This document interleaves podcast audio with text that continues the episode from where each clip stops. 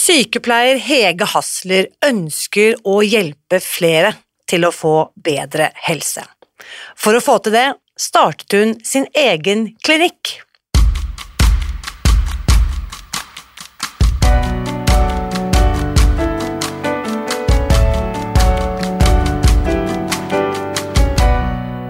Mitt navn er Irina Lie. Jeg er journalist og forlegger, gründer og sosial entreprenør. I 2015 spiste jeg meg fri fra overvekt og fedme etter å ha slitt med vekt, kropp og følelser i nesten 30 år. Etter at jeg knakk koden, ga jeg meg selv et nytt oppdrag – å dele denne kunnskapen med alle som trenger det. I denne podkasten kan du derfor høre hele lydboken Spis deg fri. Den finner du ved å bla deg tilbake i arkivet og lytte til første sesong. Hver uke inviterer jeg nå gjester som gir deg påfyll til hodet, hjertet og magen. For min visjon er å endre Helse-Norge, og det får jeg ikke til alene. Du bidrar ved å abonnere på podkasten, skrive en omtale i iTunes og tipse meg om hvem jeg burde invitere hit. Da setter vi i gang med ukens episode. Gjesten du skal få møte i dag, kjenner jeg meg så igjen i, i hvert fall engasjementet hennes. Hege Hasler har sett og erfart og studert hvordan kosthold og livsstil påvirker helsen vår. Nå hjelper hun andre til å ta bedre vare på seg selv gjennom bøker, foredrag og veiledning. I dag vi, eh, dykker vi også dypt inn i alt som har å gjøre med diabetes type 2. Så hvis det angår deg, eller hvis du er nysgjerrig på det, så finn frem penn og papir og ta notater. Her er ukens gjest. Kjære Hege, velkommen til podkasten. Tusen takk, Irina. Det er så hyggelig å være her. Vet du, det er Altså, vi har jo eh, Vi har ikke truffet hverandre så mange ganger, og heller ikke snakket så, mange ganger, så, så, sammen så mange ganger, men Eh, vi sitter bare noen få hundre meter fra hverandre her i Oslo når denne samtalen foregår. Vi fant ut teknisk, så vi valgte vi å møtes på Zoom likevel, men vi har jo møttes. Vi er på ekte og spist lunsj sammen på Lett og hatt fantastiske ja, samtaler. Veldig, veldig hyggelig, og det er jo derfor vi sitter og prater litt eh, i dag også. Absolutt. Det vi fant ut at det, det er kjempefint at vi gjør. Mm. Og jeg må bare ha en liten shout-out til vår felles venn Knut fra Nesbyen. ja, for det var takket være Knut at vi fikk kontakt, og det er veldig takknemlig for Knut. ja, så Knut, vi vet at du hører på dette, for både Hege og jeg kommer til å sende deg denne linken. Og da kan jeg fortelle at jeg hadde vært på en 50-årsfeiring i Tromsø. Det var i november 2021. Og på vei hjem på flyet så satt jeg Du vet sånn midtsete som er litt sånn upopulært. Altså det er sånn åh, hat å havne på sånn midtsete, og det var liksom november, Tromsø, 13 minus, alle hadde på seg store parkaster og alt av klær. Og så havnet jeg da sammen ved siden av en, en eldre mann som satt ved vinduet, og en dame på min alder som satt ved midtgangen. Og det tror jeg er altså Det er den kuleste flyturen jeg har hatt. For Knut satt da på min høyre side, og eh, nå har jeg dessverre glemt navnet hennes, men hun var altså eh, kommuneadvokat oppe på Hedmarken eller noe sånt. Og så begynte vi tre å snakke om alt som er viktig i livet, og da sa Knut til meg du må møte Hege. Ja, det, jeg tenker at det, sånne menneskemøter er jo ikke tilfeldig. Det er jo, ikke sant, det var meninga, tenker jeg, at Knut skulle møte deg, og motsatt, og at vi skulle få kontakt. Um, ja, og sånn er, sånn er, det i livet. Det er, så, det er så fantastisk. En sånn kjedelig flytur som bare ble så, et så fint møte. Eller to fine møter hadde du med mennesker da, på veien der. Mm. Nei, så dette her var jo fortsatt mens deler av Norge var ganske sånn preget av nedstengning. Så men jeg tror alle misunte oss på den seteraden der vi liksom fant eh, nye venner over ermelenene på, på dette SAS-flyet. Så det var eh, Tusen takk, Knut. Eh, det var en fantastisk kobling eh, du, du, gjorde der. Så eh, Hege, vi vi har jo da, og Grunnen til at Knut sa at vi måtte møtes, det var jo at han skjønte at du og jeg jobber jo med Eh, på en måte din, den samme problemstillingen. Du hjelper mennesker som også sliter med overvekt, fedme, eh, kostholdsrelaterte livsstilssykdommer. Det skal vi snakke om. Men fortell litt først, eh, Hege, om din egen bakgrunn. Ja, jeg, um, jeg er jo jeg er sykepleier, så jeg har jobbet som tradisjonelt som sykepleier um, på ulike steder. Vært på sykehus og sykehjem og medisinsk poliklinikk. Uh, og det var jo da jeg begynte å interessere meg for det med spesielt kanskje å ha diabetes, og mye diabetes type 2. Um, og de, for pasientene på, på medisinsk poliklinikk eh, hadde jo mye De var der jo pga. sine livsstilssykdommer, eller å finne ut om man sant, hadde problemer som var på gang. Eh, veldig lite kanskje sånn eh, jobb, hva skal vi si, preventiv jobbing, og det er jo kanskje det jeg underveis forsto, at de rådene som vi på en måte kanskje gav til de som hadde diabetes eller andre livsstilssykdommer eller var veldig i faresonen, at de kanskje ikke var så gode som uh, de skulle være. For vi, vi, snakket egentlig veldig lite om dette med kosthold og livsstilsendring. Bare liksom spise litt sunnere og uh, ta mindre pålegg på brødskiva liksom, og litt sånn. og mer medisiner. Mm. Spørre, i, ja? Hvor langt tilbake i tid er vi nå? Og det er, um, det er Nå er har jeg vært ferdig utdanna sykepleier i 25-26 år. Så, så, det er jo um, lenge siden. Men jeg, jeg sluttet på medisinsk poliklinikk for 17 eh, år, 17, ja år siden. For at jeg sluttet når jeg skulle ha mitt eh, første barn. Så jeg sluttet i desember 2004. Eh, Hun kom i januar 2005. Eh, og det var da jeg begynte liksom med det som har vært min levevei siden, da, og som jeg på en måte brenner for. Um, for det var jo da jeg fikk muligheten til å jobbe mer med, med, endring hos mennesker, og det å snakke om mm. kosthold og livsstil, um, som da uh, jeg veldig fort forsto var, var, det som uh, fungerte, og som, og, og som, var det riktige. Så for meg så ble det da, når jeg hadde begynt med dette mens jeg var i fødselspermisjon, så begynte jeg å samarbeide med Fedon Lindberg, og da når jeg var liksom ferdig med min fødselspermisjon, så følte jeg at det var umulig å gå tilbake og jobbe i sykehus som, tilbake til samme måte å jobbe på som vi gjorde der. Yes. At eh, jeg måtte snakke om det som var viktig. Mm. La meg bare, før du går videre til eh, Det er veldig kult, jeg må bare si Fedon Lindberg. ikke sant? Jeg har møtt ham på, møtt ham på en utrolig spennende Vi var på et spennende foredrag i Kreftforeningen en gang. Men jeg fikk ikke snakket ordentlig med han, så en vakker dag så skal jeg intervjue han også denne podkasten. Men det er veldig morsomt at han er jo en av de få i Norge man, som man kun kan omtale med fornavn, og alle vet hvem man ja. snakker om. Ja, så man trenger ikke engang si Lindberg, man, det holder at man sier Fedon, så det sier litt om den det er liksom én Fedon. Det er bare én Fedon, ja. så, så, det er jo shout-out til han også. Men før vi går til um, 2005, ikke sant, det er jo Januar, vi er jo nå i 2023, så vi snakker altså snart 20 år siden. Uh, ja. Så, men hvilke resultater Jeg stiller spørsmålet åpent. Hvilke resultater fikk dere på den poliklinikken med å gi de rådene dere ga til pasientene? Spis litt mindre pålegg på brødskiven og ta litt mer medisiner. Nei, vi fikk jo ikke gode resultater. Eh, det var bare stadig mer medikasjon som eh, måtte inn i bildet. Mer for blodsukkeret, mer for kolesterolet og ikke sant, videre. Og ikke minst så slet jo veldig mange av disse med vekten. Eh, og ingen av disse medikamentene gjør noe med vekten din. Sånn at du vil da allikevel øke risiko hele tida i forhold til livsstilssykdommer, og ikke minst hvordan det eh, si, eh, innskrenker livskvalitet og livet ditt da, når du sant, må gå, går opp i vekt og stadig mer eh, medisiner. Så det var jo det jeg så at de som tok andre valg, som kanskje eh, gjorde noe med kosten Noen hadde jo begynt å bli interessert i Fedon også, selv om ikke det var jeg som informerte den gangen. Og da så jeg at det var jo der det skjedde noe. Det var jo der eh, fikk, man fikk bedre verdier på alle blodprøver, mm. og vekten gikk ned. Og de ble lykkelige og fikk eh, en bedre hverdag. Mm. Og det ble jeg veldig interessert i, så jeg liksom dykka ned i det når jeg var i permisjon med, med Sofie. Og da, eh, og, og da, da, ble dette Da våknet jeg opp det.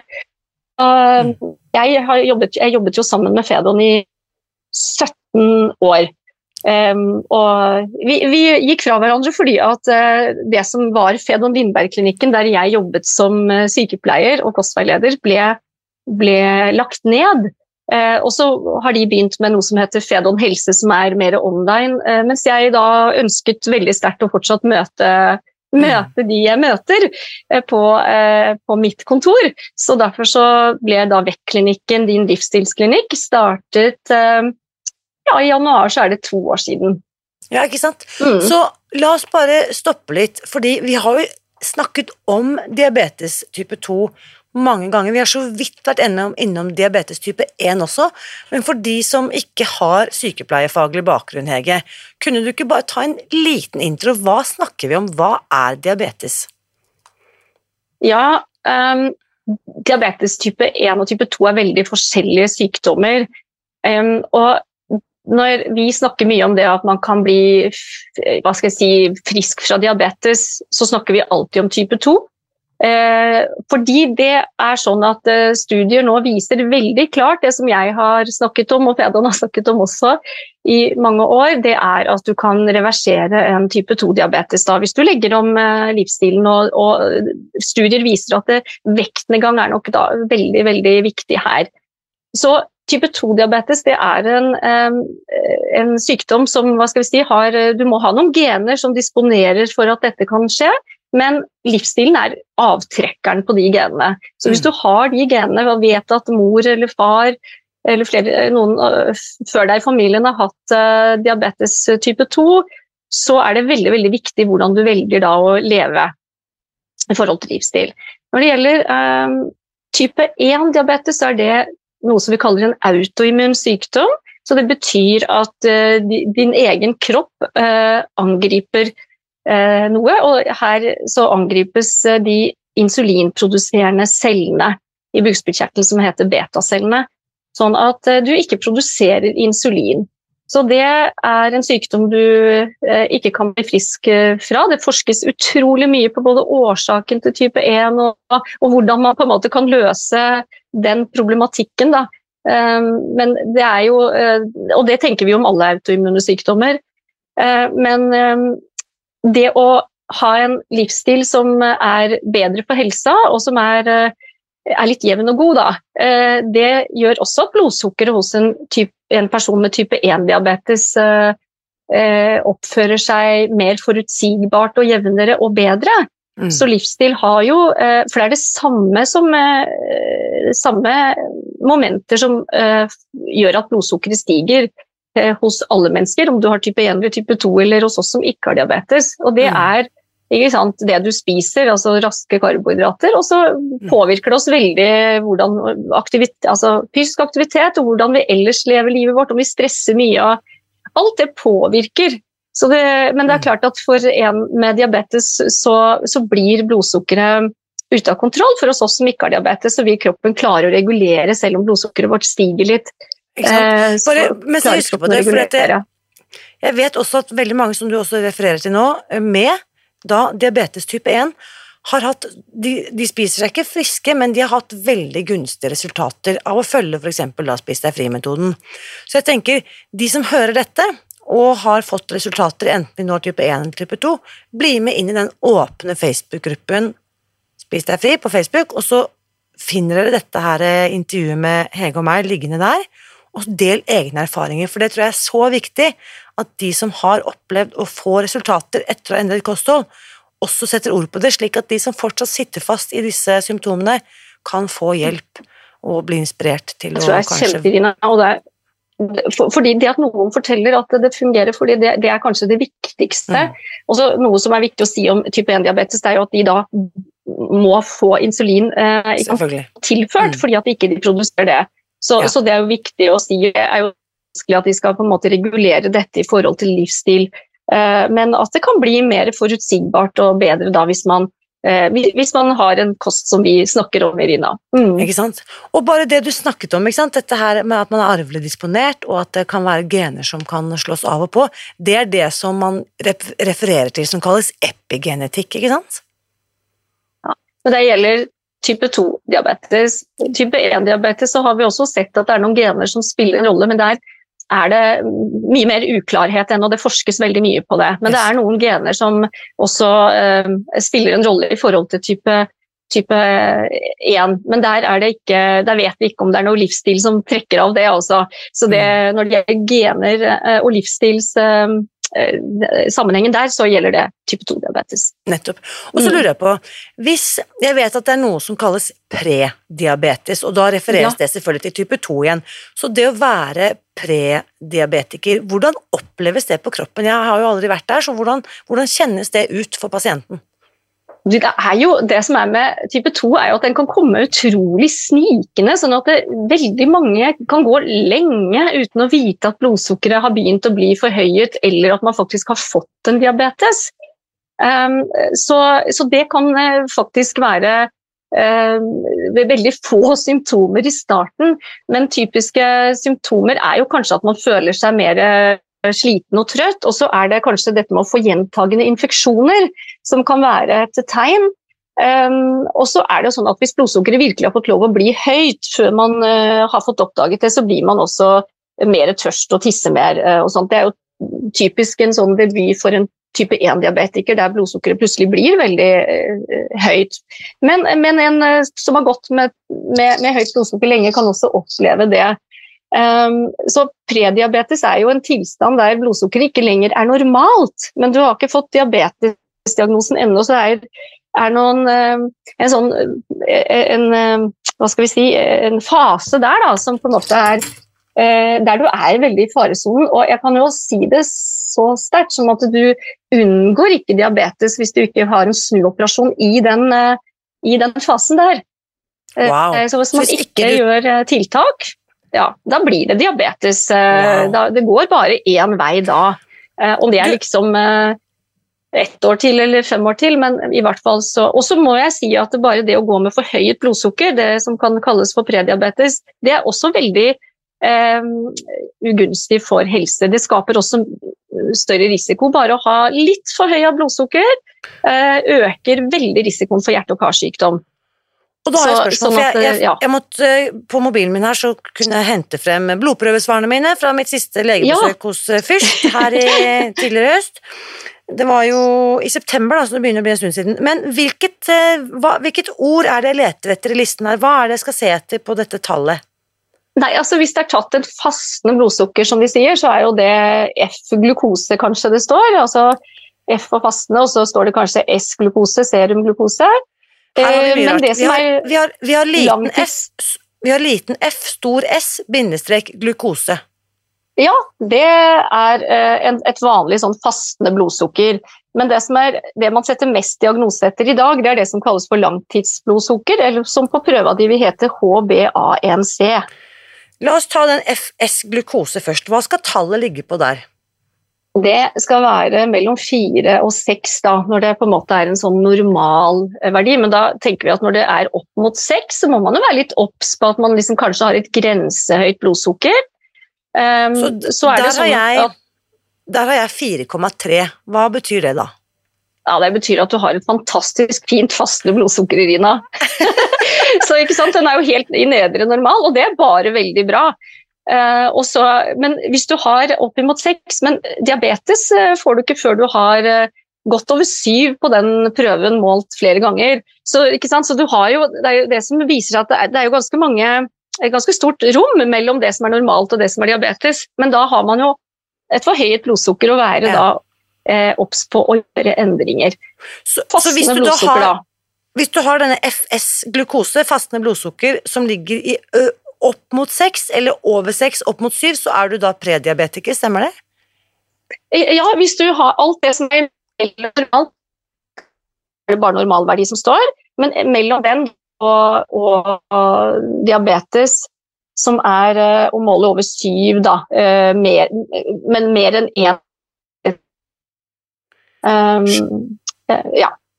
Skjønner. Og da er vi over på det andre du snakket om. Hvilke bokstaver var det? Det er HBAMC, som er langtidsblodsukker. Det betyr at man liksom En slags gjennomsnittsverdi på de siste 10-12 ukene. Ok, her fant jeg den. Den det er heter hos meg vi Ja, den heter hos meg stor B, bindestrek, stor H, liten b, stor A, én liten C. Er det riktig? Ja, det stemmer. Skrives sånn. Mm, Og det sa du altså var langtidsblodsukker. ja. Det er langtidsblodsukker. Eh, og nå så er det jo eh, Man har fått nye sånne eh, måleverdier på dette. For før så lå det i prosent. Så det er det kanskje de fleste fortsatt kjenner litt til, hvis man har målt blodsukkeret sitt noen år, da. Um, og da Da er um, da, da, da var liksom grensa for diabetes 6,5% mens nå heter det 48 mml per, altså, per mol. Um, så det, det er blitt helt andre tall. Så Så ofte hva så, kan man man få begge tallene fra legen. Hva er referansen da på denne mm, HbA1c? Hvor skal, hvor skal det tallet ligge? Da vil den ligge sånn mellom 26 og 42, da. På de okay. nye måtene å måle på. Eh, mm. Eh, Fürst laboratorier har rapportert at jeg har da 33 på langtidsblodsukker. Ja, da har du sånn ca. 5,1-5,2 prosent, da. Som eh, kanskje flere der ute vil, eh, vil kjenne bedre igjen. For det, det er litt nytt for eh, både oss som jobber med dette og de som får målt blodsukkeret sitt, at vi har liksom en ny måte å måle på. Så vi litt med å, med å snakke om begge tall, så man forstår godt hva blodsukkeret er, da. Ja. Det her var supernyttig. Så supernyttig. Det, er fortsatt en veldig veldig fin eh, verdi, Irene. Det er ikke noe fare for deg, i hvert fall. det var godt å høre. Det er jo sikkert, og dette har jeg snakket veldig mye om, for folk er så opptatt av bare vekten min, vekten min. Og så sier jeg ofte sånn Tenk når du står opp om morgenen. Sjekker du høyden din? Sjekker du om skoene eller skostørrelsen er samme? Sjekker du på en måte Gudene vet hvor mange tall og hvor mange parametere vi kunne ha målt oss etter. Så vekten er jo bare bitte lite tall på en lang rekke av andre parametere. Og så blir vi så besatt da, at badevekten skal liksom på en måte diktere hvorvidt dette blir en god eller dårlig dag. Så tenker jeg ok, drit i badevekten, tenk liksom på at du har 40 i langtidsfastende langtidsblodsukker. Og så gå rundt og være fornøyd med det. Eller finn noe annet tall som, som på en måte eh, kan gjøre deg litt happy. For det er så mange tall vi kan henge oss opp i som vi kan bekymre oss for, og det opplever i hvert fall jeg at gjør oss ikke ja. noe godt. Helt enig med deg. Jeg pleier å si at det er ikke tall på vekta som forteller hvor bra det er. Det som forteller hvor bra det er, det er for det første hvordan man har det. da, Fått det med seg selv. ikke sant, Hva dette har bidratt med av, eh, i forhold til livskvalitet. Og så er helseverdiene som kanskje er viktigere tall for oss eh, i forhold til å fortelle at dette er en bra situasjon. Nå lever du, nå tar du godt vare på deg selv, egentlig. Ikke sant? Ikke Ja. sant? Det, ja, det, er, det er sånn vi burde måle etter og, og, og, og leve etter og tenke på. Yes. Eh, veldig, veldig bra sagt, Irina. Mhm.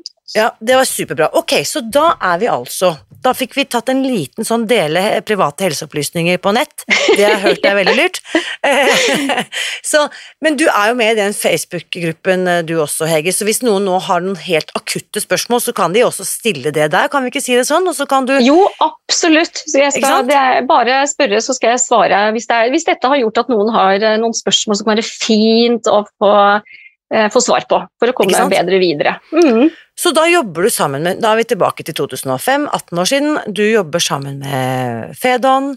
Eh, han har jo nå i noen år allerede gjort seg kjent i Norge, for han snakker om middelhavsdietten. Jeg husker jeg så han liksom på TV Norge hvor han sto og lagde noe mat sammen med Han kokkelerte sammen med en av disse kjente, den gang kjente kokkene. Så tenkte jeg, hva slags fyr er dette? Ikke sant? Og så bare ble jo han etter hvert eh, allemannseie, og har jo Mm. påvirket eh, det norske kostholdet i en utrolig heldig retning. Men fortell litt, Ja. hvordan var det eh, Hvordan var de årene når dere jobbet sammen? eh, Hvordan kunne dere hjelpe folk? Ja, vi, ehm, dette, da var vi jo på Lindbergklinikken, som, eh, som jeg jo har jobbet eh, på siden i 2005, da, til for to år siden. Eh, Vi tok jo imot eh, mennesker eh, hver dag som, som ønsket å få hjelp til å forbedre helse. For å bli friskere av livsstilssykdommer, eller unngå livsstilssykdommer. Og jeg tenker at det viktigste vi gjorde, som jeg selvfølgelig fortsatt gjør, og Fedon fortsatt gjør, det er dette med at vi forebygger mye. For det gjør man liksom ikke i helsevesenet ellers. Eh, det er som han har sagt, at vi har ikke et eh, helsevesen, vi har et sykevesen. Det er først når folk eh, er syke at vi kommer på banen for å hjelpe dem liksom når vi jobber offentlig som helsepersonell. Mens i den type jobb som vi har holdt på med, med å både møte pasienter, og vi har jo begge to skrevet flere bøker, så forebygger vi veldig mye diabetes type 2 og andre livsstilssykdommer hele tiden. Og det tenker jeg er kanskje det aller viktigste som jeg har fått uh, være med å bidra med, og fortsatt uh, syns er en viktig del av jobben min. Mm. Um, så, men vi, vi, møter jo Vi møtte folk daglig som fikk hjelp med, med, med, ulike ting. fordi at det å endre kosthold og, og, og livsstil det vil alltid forbedre helsa di, uansett hva slags sykdom eller symptomer du har. Og det å spise på den uh, riktige måten som vi snakker om, Irina, det er aldri farlig for noen. Det er aldri negativt for en eneste person. Det er bare gevinst hele veien, og det er det som er så flott. Uh, og da snakker jeg jo om uh, nei, om middelhavskosthold i forhold til, til den gode kosten for helsa. Og så er det jo sånn at Når vi har pasienter som virkelig trenger å gjøre noe litt raskt, så har vi litt, uh, litt strengere kosthold enn en det som, uh, som typiske middelhavskostholdet står for. Ja. Uh, så, da kan vi jo gå individuelt inn og hjelpe. Mm. Ikke sant? Og tilpasse den enkelte. Så, ja. mm. så, jeg har jo prøvd mye. Jeg, jeg tenker at jeg har liksom um, lagt bak meg en 30 år lang slankekarriere, men jeg må innrømme at Fedon var en av de få tingene jeg aldri eh, testet sånn eh, Jeg visste jo om det og hadde lest bøkene hans og hadde flere av bøkene hans i hyllen, men jeg testet det aldri sånn for min egen del. Jeg vet egentlig ikke hvor den store motstanden var, men kunne du bare forklare litt sånn overordnet hva kjennetegner Fedon-dietten eller middelhavskost eller sånn som dere veiledet pasienter sånn, hvis ikke hvis jeg tenker på individuell basis, da, men mer sånn overordnet, hva kjennetegner den dietten? Det er alltid viktig å snakke med hva som bør spises, og ikke holde på med alt som ikke skal spises hele tida. Det er mye vanskeligere for oss å forholde oss til. For det er jo sånn at noe eh, bør vi eh, spise eh, nok av for at vi skal ha god helse, og at kroppen skal få, få, holde på med det som den skal gjøre for at vi har det bra. Eh, og da, eh, da, setter vi fokus på dette med mye grønnsaker i kosten og mer fisk. og og eh, mindre rødt kjøtt, eh, som, som alle kanskje sier er, bedre, men også at det er med, men også det er det mindre av. Og vi snakker mye om dette essensielle fettet. Altså det fettet som er også viktig at vi får i oss, som kroppen må ha for helsa, og som ikke kroppen lager selv.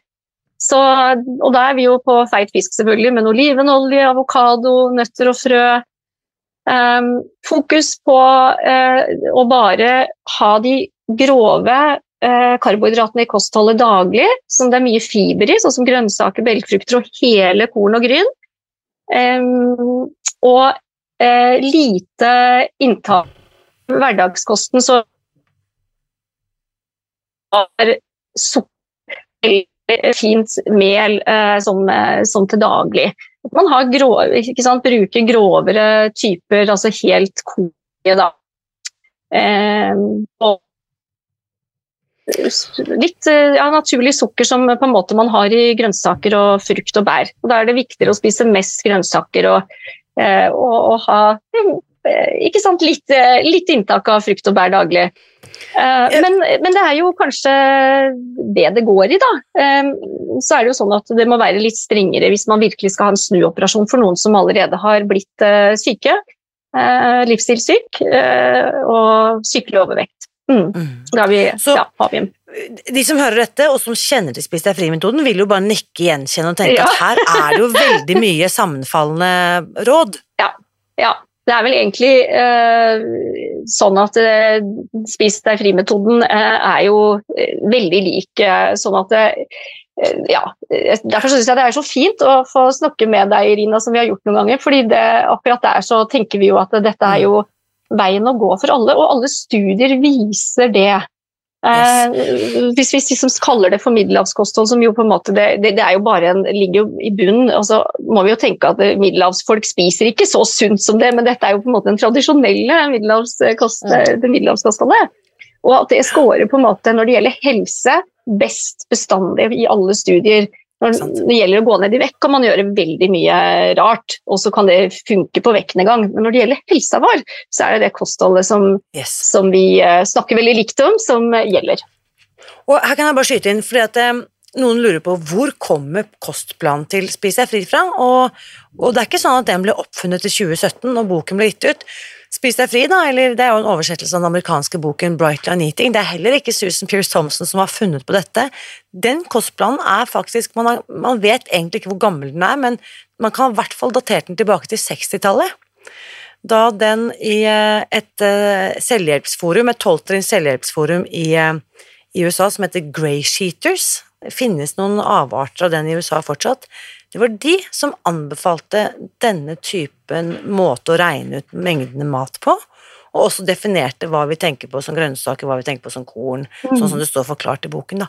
Så dette er faktisk eh, sånn derre hand me down. Det har på en måte vært en muntlig tradisjon, og så skrift, skrevet ned, skriftlig overlevert, slik at dette har ikke vært noe eh, hemmelig, men det har vært egentlig sånn kun tilgjengelig for noen få frem til mm. for noen få år siden, før dette på en måte ble kringkastet til flere. Men det viser jo bare at egentlig er det sunn fornuft, med tanke på at man har spist sånn som dette i USA, man har spist sånn som dette rundt middelhavsregionen. ikke sant? At ja, ja. Egentlig er dette allmenn kunnskap som har gått tapt i det der kommersialiserte budskapet fra matvareindustrien, og det der, vil jeg si, budskapet fra sykevesenet vårt, som jeg nå skal ja, begynne å kalle det. Ja, og medisinindustrien, ikke sant. Og ikke minst legemiddelindustrien, hvor liksom mantra er medisin, og, medisin, medisin. Ja. Jeg må komme med når du sier dette om, om, om når dette liksom eh, startet. For eh, jeg fikk i gave av eh, en venn en gammel medisinbok, medisinsk bok da, i forhold til diabetesbehandling. Eh, og nå husker jeg ikke her jeg sitter hvor gammel den er, men det er liksom gått litt i arv. Og dette, pappaen hans var lege, sånn at eh, derfor så hadde han den. Og jeg, jeg fikk den. Jeg syns dette var det er en utrolig fin gave. fordi den eh, forteller hvordan man behandlet eh, diabetikere, også type 1-diabetikere, før man fikk insulin. Nå er det jo en, det, det største revolusjonen var jo å få insulinet selvfølgelig for å hjelpe disse med type 1-diabetes. Men før det så måtte de også da leve på kost. Men alle diabetikere ble satt på kost som medisin før vi fikk medisiner. Og den kosten den er jo veldig eh, lik den kosten som vi veileder på nå i forhold til det å reversere litt uh, dette med å ha fått type 2, og få alle typer diabetes holdt jeg på å si, til å, bli, um, til, å på en måte ha et bedre blodsukker. Uh, der det ble liksom å spise fisk og kjøtt og mye kål som vi vet er lavglykemisk, altså har lite karbohydrater, mye grønnsaker som på en måte var lavere. Så det er jo eh, fantastisk. Og så tenker vi men alle de årene da imellom der som, vi bare egentlig, som det bare har vært fokus på medisiner Alle skal bare spise som de vil, og så skal de bare ta mer medisiner isteden. Altså, ja.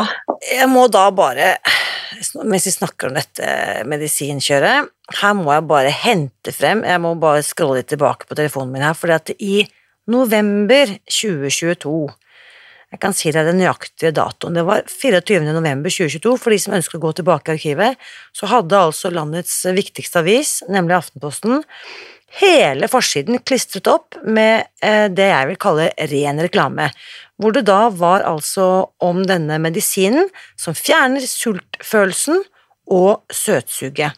Inne i avisen så var det da altså en eh, gladsak om en 47 år gammel kvinne som eh, hadde Hun hadde ikke diabetes, men hun hadde brukt denne medisinen da, som er utviklet for å hjelpe diabetikere, til å gå ned i vekt. Og det var da denne sprøyten som heter Osempic, hvis jeg uttaler dette riktig. Ja, Osempic. Ja. Osempic. Kunne du bare Jeg ble så eh, lei meg og opprørt at det nå er det sprøyter hver tiende dag som pushes som eh, løsning for vektnedgang. Hva tenker du om dette, Hege? Ja, nå er jo det medisin jeg kjenner godt til, eh, fordi at det er en behandling for type 2-diabetes. Og for noen eh, som har type 2, så er dette en veldig fin behandling, fordi at denne behandlingen, i tillegg til å selvfølgelig normalisere blodsukkeret eller få det bedre hos mange, så, så tar, man, tar, det ned vekten litt. Og det kan være fint at en medisin gjør det, fordi at type 2-diabetikere da ofte har både høyt, kan ha høyt blodsukker og høy vekt. Så det er eh, riktig å velge i forhold til andre typer medisiner. og det er eh, sånn det er nå, at Man skal velge en medisin som passer den som skal bruke den, og det er veldig fint. Nå er det sånn at Osempic det er egentlig en medisin som fortsatt bare eh, er for diabetikere. Eh, det er en medisin som heter Saxenda, som ligner veldig på Osempic, som er den man får lov å bruke for de som har overvekt. Men, og det det kan være veldig fint virkemiddel for mange, men da må det være en kombinasjon med det å legge om livsstilen. Og det er ofte ikke det, kanskje det bare er eh, liksom en rask løsning, og da vil du jo på en måte aldri eh, komme helt i mål. ikke sant? Eh, tar ned vekten din, men hvis du skal slutte med de da, for man skal jo ikke ha de til evig tid, kanskje, så vil jo vekten gå opp igjen hvis ikke du har gjort noe med vanene dine. Mm. Eh, som med alt annet eh, som bare får ned vekta, men ikke gjør noe med årsaken til at, eh, at det har blitt sånn. Og det som er litt skummelt, er at hvis man nå spør om å samarbeide med fastleger at jeg som har en klinikk der jeg kan hjelpe mennesker, ikke sant, veilede de i forhold til bedre livsstil, så er ikke det så interessant samarbeid for fastlegene nå. Nå er det flere av de som svarer at de ikke trenger det på samme måte, fordi de har denne medisinen å tilby. Og da tenker jeg at eh, da er vi veldig på feil spor, og det syns jeg er skummelt. Og ellers så tenker jeg at det, eh, veldig mange har nytt, Diabetikerne de skal få lov å ha sin uh, Osempic, og den er egentlig for dem. Um, også, uh, for den har ikke indikasjon, så fastlegene skal egentlig ikke bruke den. De gjør det litt fordi at den er billigere enn Saxenda og tenker at det er bedre for samfunnet. Også at den kan settes da en gang i uka mm. istedenfor daglig. Men um, all eh, sånn, I hvert fall når det gjelder eh, de som har overvekt, eh, og selvfølgelig også med en type 2 diabetes, med eller ikke, så, så, må man bruke sånne medikamenter i en kombinasjon da, med å legge om livsstil. Hjelpe mennesker til eh, å klare det. Um, ja. Sånn at uh, dette blir en, blir en, bedre varig situasjon. For en sånn medisin løser jo ikke det, ikke sant? Nei, ikke sant? Jeg må bare skynde meg å si til her at jeg er jo veldig tilhenger av medikamenter og medisiner, men la oss nå For jeg leste det i kommentarfeltet, ikke sant, at det, jeg, dette ble jo en debatt også på Facebook-gruppen vår, at nå er det jo barn og voksne som trenger denne, men dette veldig viktige medikamentet, som ikke får tak i det. Fordi at ja. Eh, det er liksom skrevet ut off-label, som de kaller det ja, til det det det mennesker mm. som sliter med overvekt og fedme. Så tenker jeg, da er vi på ville veier, altså. Det, ja. Sånn kan vi ikke ha det. Så Onsempik skal være for de som har diabetes, som trenger medisinen sin. Yes. Og så får velge, legene velge å skrive ut av eh, Saxenda og en annen eh, medisin som heter Mysimba, som er for vekt. Men eh, jeg håper virkelig at legene da eh, tar det på alvor at disse eh, menneskene også må veiledes i forhold til ja. å endre årsaken til at det ble sånn. Det, det, det, er det som er bekymringsverdig. Det jeg tenker at legene kan gjøre, det er å sjekke opp klinikken din, eller så kan de gå inn på spisdegfri.no fastlege og bestille gratis infomateriell fra, eh, om Spis deg fri, som de kan be pasientene først sjekke ut. At de først sjekker ut muligheten for å få veiledning og gjøre dette på en måte the natural way, før de eventuelt blir satt på medikamenter eller ikke-reversibel kirurgi. Ja, eh, og så er det klart at dette er en bedre løsning for mange enn at man har snakket om kirurgi. At det er eh, sant, et, et, bedre alternativ enn en det. Og noen har kanskje prøvd alt, som de sier, og, og får det bare ikke til. Så, eh, men, men, veldig mange som kanskje får medisinen veldig lett nok, hadde klart eh, å gjøre en endring hvis de bare hadde fått uh, sant, blitt motiverte yes. til å gjøre det. Så, mm. vi, vi, må bare høre litt, for du, uh, du, nevnte at det var to år siden du, hadde, du, startet for deg selv. Hva heter klinikken? Bare la oss gjenta det, Hege. Den heter Vektklinikken Din livsstilsklinikk. Og jobber du der sammen med, med andre? Nei, jeg jobber her um, alene. Jeg har en uh, assistent som jobber noen timer i uka, som er på en måte en sånn slags res resepsjonist. Uh, ikke sånn fysisk, men bak der. Uh, og hjelper meg med, med sånne, sånne, administrative ting. Ellers så er det meg her. Jeg samarbeider fortsatt med Fedon helse, sånn at de sender pasienter til meg som har lyst til å møte noen sånn fysisk. Mm. Um, og så holder så, du til midt i Oslo, midt i Bogstadveien, så det er liksom Ja, Hengedalsveien 34, rett nedi gata for deg, som sagt.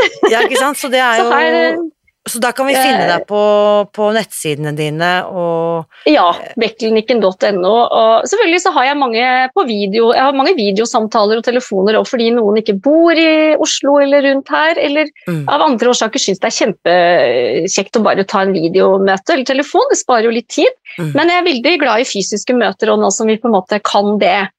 Ja, eh, og det er det mange andre som er òg, så jeg, jeg, møter mange hver dag. Så, det er superverdifullt. Ja, så det er kjempefint. Og så nå tenker jeg, før vi avslutter, nå som vi står liksom på starten av et nytt år, nå ligger dette året her rent og ubrukt foran oss, hva tenker du, Hegge, er ditt beste tips til de som hører dette og tenker at shit, jeg har sjekket disse tallene, jeg er jo faktisk prediabetes uten å vite om det, eller oi sann, jeg har jo over disse referanseverdiene som du snakket så veldig godt om tidligere her, eller noen, de bare kjenner at jeg må gjøre et eller annet, nå er det søren meg nok. Uh, hva, du, hva er ditt beste råd her eh, på tampen, Hege? Nei, jeg tenker at eh, Man ofte har visst en stund at eh, man kanskje bør gjøre noe i forhold til helse og i forhold til at hverdagen er tyngre enn den burde være.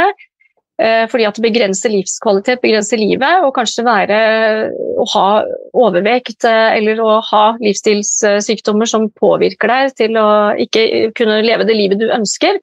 Og da er det eh, fint med et nytt år. For vi får en sånn følelse at eh, oi, jeg har kanskje en ny mulighet, jeg kan starte igjen. Og det kan vi. Vi kan starte når som helst, men kanskje et sånt ny år eh, er en eh, måte vi føler veldig på at vi, at vi kan det. Legge alt annet eh, tenke at vi, nå nullstiller vi oss. Vi nullstiller, legger de vanene man har eh, litt sånn null, og så jobber med å, å etablere nye vaner. Og da trenger man ofte hjelp av noen som veileder, sånn som du og jeg, Rin. Mm, og så vil jeg gjerne bare få nevne bøkene også på ja, for det, det må vi snakke om. Ja, absolutt. Ja, for jeg har jo skrevet noen bøker eh, om dette med å endre livsstil eh, for deg som har diabetes. Og spesielt eh, selvfølgelig kanskje til de som har diabetes type 2. Så har vi en bok som kom i 2013 som heter Diabetesboka 'Spis riktig og bli friskere'. Og den kommer i niende utgave nå på nyåret. Eh, så den har vært viktig for veldig mange. og Der står det litt om de ulike typene diabetes og hva du kan gjøre for å få det bedre. og Det er mange, mange digge oppskrifter. Og så kom det en eh, i 1718 som heter Den praktiske diabetesboka, som legger et opplegg for seks ukers plan med endring. Der har du, eh, står mye om alle, alt det som har med livsstil å gjøre. altså Mat, fysisk aktivitet, søvn, tarm. Og, og Eh, en seksukers plan med innkjøpslister og alt. Vi lover da at du blir friskere på de seks ukene. Wow, og så ja. kom det en eh, som heter Søtdiabetesboka, som har dette med at man lager seg noe søtt og godt når man har lyst på det, men som er mel- og sukkerfritt. Um, og så holder vi på med et veldig spennende prosjekt nå som kommer i august neste år. og Det er den grønne diabetesboka, som altså skal hjelpe de som har tatt det valget om å leve vegansk eller vegetariansk på et vis, eh, til å gjøre det på en blodsukkervennlig måte. Som sørger for at helsa bare skal også bli bedre når man har tatt det valget. Så, så, her er det liksom mye god, eh, god eh, informasjon til alle som har lyst til å bli friskere eller å unngå diabetes hvis man vet man er i faresonen med matplaner da, i bøkene. Fantastisk. Du, dette her var veldig, veldig bra og så utrolig informativt. Og så tenker jeg bare sånn, hvis noen nå liksom går tilbake i arkivet og har funnet denne episoden, og det er blitt liksom 27. mai, så kan du bare starte selv om ikke det er januar. Så det er bare å ja, sette i gang. Det er, jo mai, det er jo mai en superfin måte å starte i. Ja, det er alltid fint å starte, man må bare bestemme seg. Og så ja kan det jo være fint å få hjelp fra noen, eller det er fra en bok, eller i hvert fall at noe støtter deg litt, at du har en konkret plan. Eh, det er veldig, veldig viktig. Yes, jeg er helt enig. Tusen, tusen takk, Hege. Dette var så lærerikt, og jeg er superglad for at vi også snart skal ses igjen på ekte og spise god mat sammen. Ja, tusen takk for at du fikk komme. Det har vært så fint. Jeg gleder meg til å se deg sånn på ekte. ha det godt, da. Ha det. Nå lurer jeg på, hva tenker du etter å ha hørt min samtale med Hege i dag? Samtalen etter ukens podkast fortsetter som vanlig i Facebook-gruppen Spis deg fri, så bli med over dit og del gjerne din takeaway fra denne episoden. Hva var det viktigste du hørte, eller hva var det som var spesielt interessant eller relevant for deg i dag? Og så vil jeg også minne om at jeg har laget gratis informasjonsbrosjyrer til leger og helsepersonell som jobber med pasienter med overvekt og fedme, som vil vite mer om Spis deg fri-metoden. Det eneste du trenger å gjøre, er å gå til spisdegfri.no fastlege, fylle inn navn og adresse, og så sender jeg deg disse infoheftene helt gratis, som du kan dele ut til eh, dine pasienter. For jeg tenker at gode nyheter er skapt for å deles. Og siden det ikke finnes én løsning som eh, passer for alle, er det desto viktigere at alle vi som jobber med helse, bidrar til å spre kunnskap om ulike løsninger som passer for ulike mennesker. Og hvis du som lege eller fysioterapeut eller helsearbeider ønsker at dine pasienter eller klienter skal få kunnskap om en metode som har forvandlet livet til nå etter hvert tusenvis av mennesker, helt uten bruk av medikamenter eller piller eller sprøyter, så går du til spisdegfri.no fastlege, fyll inn ditt eh, navn og din adresse, så sender jeg deg disse informasjonsbrosjyrene i morgen. Og bare for å understreke det også, denne tjenesten er helt gratis. Og du eh, risikerer heller ikke å få refs fra helsemyndighetene for å dele ut disse brosjyrene til eh, pasientene dine, for selv om vi ikke anbefaler noen å spise mindre eller bevege seg mer for å gå ned i vekt, så er kostrådene våre helt i tråd med de offisielle kostrådene, bortsett fra at vi da sier kutt ut sukker helt. Ehm, på tampen eh, så vil jeg også da, eh, på tampen i dag, så vil jeg også bare sende en stor takk til deg som i dag jobber innenfor helsevesenet, og som tør å tenke utenfor boksen som tør å teste ut nye metoder, og som er nysgjerrig nok til å sette deg inn i ny kunnskap som er blitt tilgjengelig på dette feltet de siste årene. Jeg ser deg, jeg hører deg, jeg vet at du er der, så tusen, tusen takk. Og så vil jeg også si dette. Selv om ingen av oss kan hjelpe alle, så er jeg overbevist om at vi alle kan hjelpe noen. Og som lege eller helsepersonell eller sykepleier eller fysioterapeut så har du en helt spesiell mulighet til å hjelpe enda flere. Og uansett hva du gjør for å hjelpe deg selv eller andre, så vit at jeg heier på deg. Alltid.